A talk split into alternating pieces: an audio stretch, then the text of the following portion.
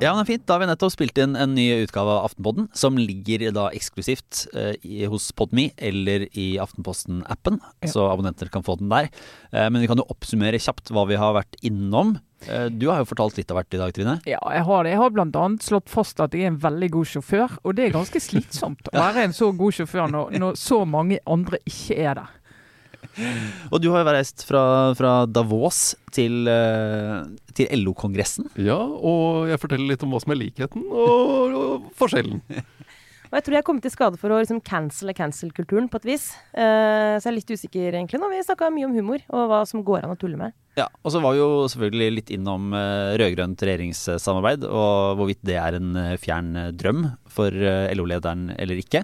Eh, og så har vi jo sett på den fantastiske Fornebubanekonflikten, som kan bli en ny sånn bybanesak. Ja. Er det noe vi liker i storbyene i Norge, så er det evigvarende lange konflikter om ting som går på skinner. baner, ja. Og Bergen måtte vi jo nesten innom, da, for der er det jo full fyr.